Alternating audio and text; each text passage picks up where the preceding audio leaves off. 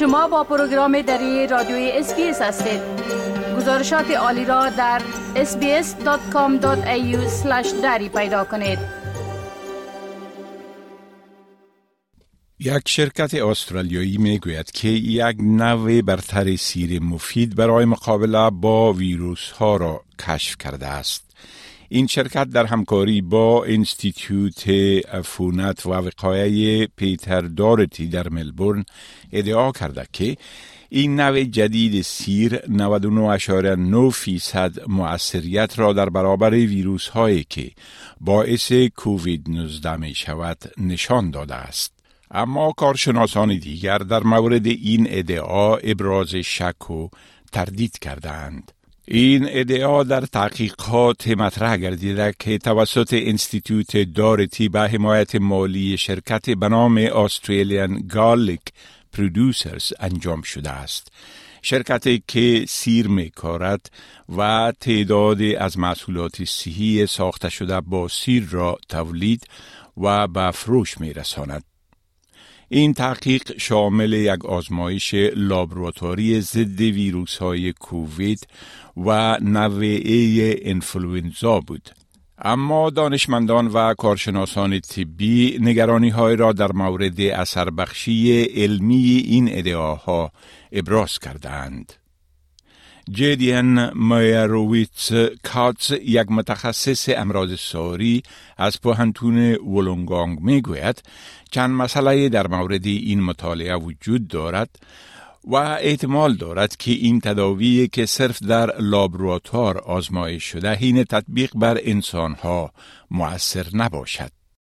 Basically, the, the issue here is firstly that this is unpublished. As far as I'm aware, the only thing we have to go on is a press release, so we don't even know exactly what the results were. And the second issue is that at this stage of research, there is a very good chance that this treatment will not work in actual human beings. Very hard to know from a lab bench study if there's going to be any benefit to real people, and it will probably take years to find out whether these findings actually hold up inside you and I.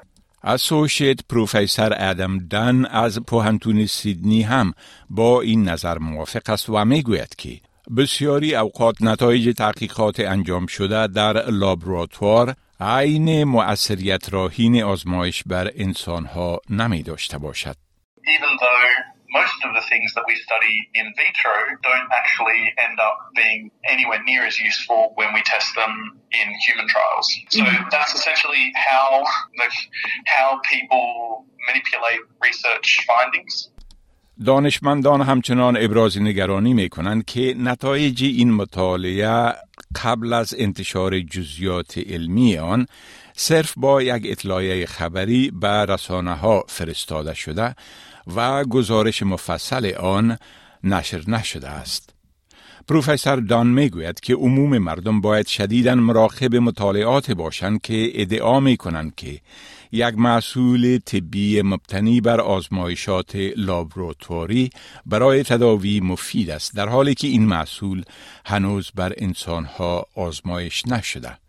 Um, the first one is that they design studies so they're going to show a result. Um, and one of the ways that they can do that is by testing lots and lots and lots of different things all at once and hoping that one of them will be a significant finding. Uh, appears to be what, exactly what they've done in this case, where they've tested over 20 varieties, uh, waited until one of them had a, had a, um, a strong, clear uh, result. همچنان نگرانی هایی وجود دارند که این معلومات قبلا توسط مخالفین واکسین و شکاکان کووید کشف شده بود.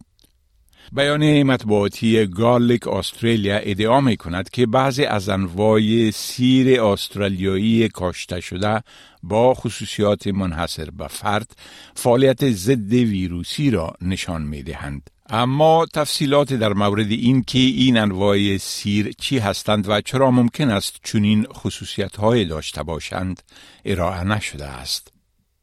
جدین مایروویتس کاتس توضیح می دهد که این تحقیق در مراحل ابتدایی قرار دارد و قبل از تجویز آن به مردم مانند همه دواها باید مراحل بیشتر تحقیقاتی را طی کند. It is at best a very early stage of research. So I think some useful background here is that all drugs that we eventually use in humans go through a number of stages before we can give them to actual people in the real world. And more than 99% of the molecules that are developed um, in labs fail to be used in people because they aren't effective. And the press release describes an unpublished study that looked at the activity of some molecules from garlic in influenza and COVID 19 and showed some sort of inhibitory effect, which basically means it probably stopped the virus from spreading or damaged the virus in some way that prevented it from um, infecting human cells. Dr. Ian Mosgrave استاد ارشد علوم دواسازی در پوهنتون ادلید است. او به مرکز رسانه های علمی استرالیا گفته است تا زمانی که آزمایشات طبی انجام نشود هیچ ادعای در مورد اثرات این اصاره های سیر برای جلوگیری یا درمان انفلوئنزا معجب بوده نمی‌تواند چی رسد به درمان کووید 19 SBS برای ابراز نظر شرکت The Australian Garlic Producers که ادعا می کند سیر تولید شدهش برای درمان انفلوئنزا مؤثر است تماس گرفته است. مؤسسه دارتی استدلال می کند که یافته های تحقیقاتش استفاده درمانی طبی را نشان نمی دهد و می گوید که برای معلوم کردن این که آیا این یافته های لابراتواری بر انسان ها تطبیق شده می تواند یا نه باید آزمایش های کلینیکی دقیق انجام شوند. گزارش را که شنیدید با کمک مدلین ویدس وایلر و کنتا ماری کرافتس از SBS News تهیه شده بود. می خواهید این گونه گزارش ها را بیشتر بشنوید؟